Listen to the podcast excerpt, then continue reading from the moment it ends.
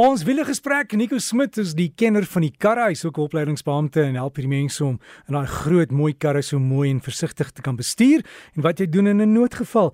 Nico, maar jy is besig om te pak vir die vakansie en jy het gesê jy wil gesels oor brandstof en jy weet as jy in jou kar ry en daai liggie maak 'n ping en jy weet jy moet nou begin bid of of 'n plek kry waar jy kan petrol gooi.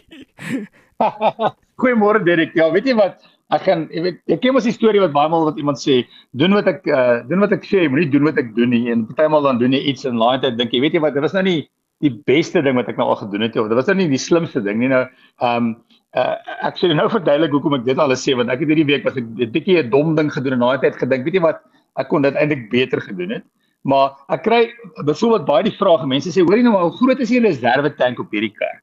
Nou kar het nie reserve tanks nie. Ek onthou toe ek op skool was ehm um, van die motorfiets het so het so ekstra tank gehad so hy het so hefpompie gehad wat jy draai en dan kan jy die ekstra tank gebruik. Maar dit werk glad nie so met 'n kar nie. 'n kar het 'n 'n tank ehm um, brandstoftank. Ek kom as jy het 'n gewone sedan dan sit hy gewoonlik agter die so onder die passasiers uh, agter se sitplek. En dit is dan 'n sekere grootte kom ons sê 50 liter. So wat gebeur is Ehm um, jy sal baie maal sien as jy by die brandstofpomp ingooi en jy sê ek sien dit ook baie maal as sê die sê die mense vir die petrol joggie hoorie net maar skud die kar en dan skud almal in die kar en hulle gooi die brandstof tot heel bo. So dis nie 'n goeie idee eerstens nie want natuurlik maak jy die pyp vol. So as jy dink daar die tankie daar onder en daar's 'n pyp tot by die petrolkap buite. So wat jy eintlik doen is jy gooi brandstof in daai pyp wat wat gevaarlik is want indien jy 'n ongeluk het of iemand net in jou vasry, dan mors al daai brandstof uit waar jou tank baie meer beskerm is. So dis nie 'n die ek sou sê die beste idee nie.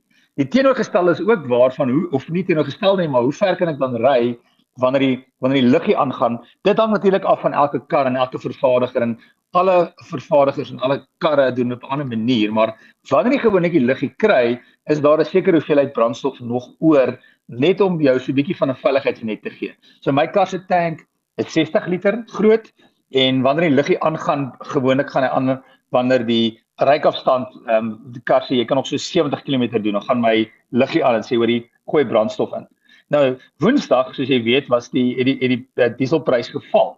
So ek het Dinsdag besluit weet jy wat ek wil nie brandstof ingooi nie. Ek gaan nou probeer om so lank as moontlik te wag voor ek weer diesel in my voertuig gooi.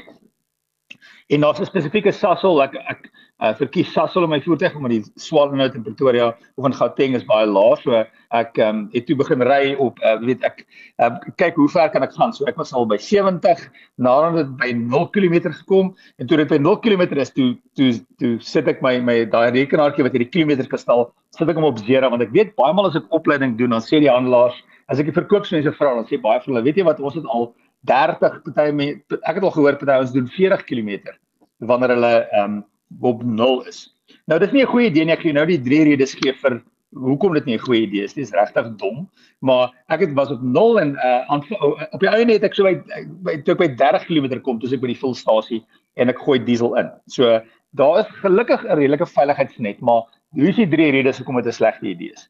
Die eerste rede is dat jou um, in jou jou, jou brandstoftank uh, is agter in die voertuig en die engine is voor. Met ander woorde, jy het 'n petrolpompie in die tank wat die brandstof na voor na die engine toe pomp.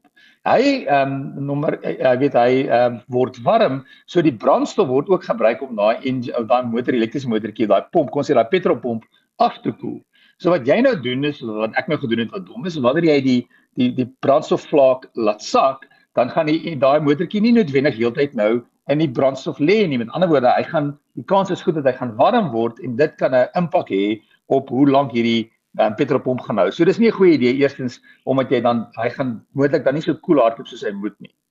Die tweede probleem is natuurlik dat daar is baie maal sedimente in jou in jou tank, ehm um, die brandstof, jy weet as, as jy voertuig al 'n uh, ouer is, dan gaan dit wees dat daar veiligheid in die veiligheid in die tank is.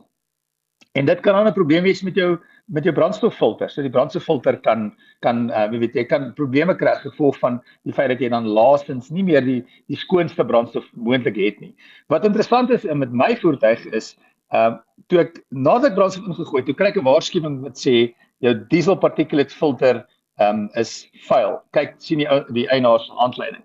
So diesel uh, in Engels praat ons diesel particulate filter, filter die soet uit die diesel. So um die eienaar se handleiding het vir my gesê hoor jy gaan ry vir 15 minute teen 2000 revolusies en hy sal homself skoon maak wat ek gedoen het. Ehm um, en gelukkig het die liggie weggegaan. So ehm um, 'n 'n kollega van my wat wat wat baie meer tegnies is as ek is, sê dis nie noodwendig dat hierdie twee daar 'n verband is met die twee nie. My persoonlike gevoel is dit het nog nooit gebeur nie. So ek ek dink persoonlik dis die rede hoekom ek hierdie waarskuwing gekry het. So dis 'n ander rede hoekom dit nie 'n goeie idee is nie is in my in die voorbeeld van my voertuig.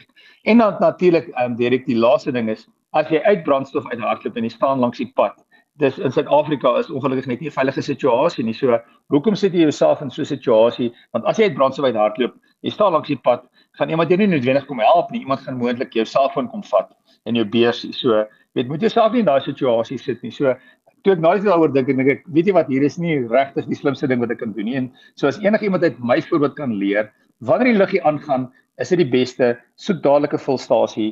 Ehm um, gooi brandstof in wat as gevolg van die redes maar weet dit kan gebeur dat jy ry en ehm um, kom ons sê jy's op die oop pad en jy het nie na die cues gekyk nie en jy sien hoor jy ek het nog 70 km oor weet gelukkig daar is daar 'n bietjie van 'n veiligheidsnet wat jy kan gebruik is nie die beste idee nie maar jy het 'n veiligheidsnet net laastens direk elektriese karre werk anders jy is soos 'n selfoon. So wanneer jy by elektriese kar by 0 kom van die voer die voertuig se energie is is daar's geen energie meer nie. So jy gaan letterlik die voertuig gaan stop. Ehm um, baie maal kan jy die voertuig weer aan die gang kry met 'n elektriese kar, jy kan miskien so 700 meter ry en daarna gaan jy glad nie meer kan beweeg nie. So vir elektriese karre nog meer so, moenie verby 0 gaan nie want jy weet jy het glad nie meer energie nie en dis nie so maklik dat iemand weer vir jou brandstof bring in 'n elektriese motor nie.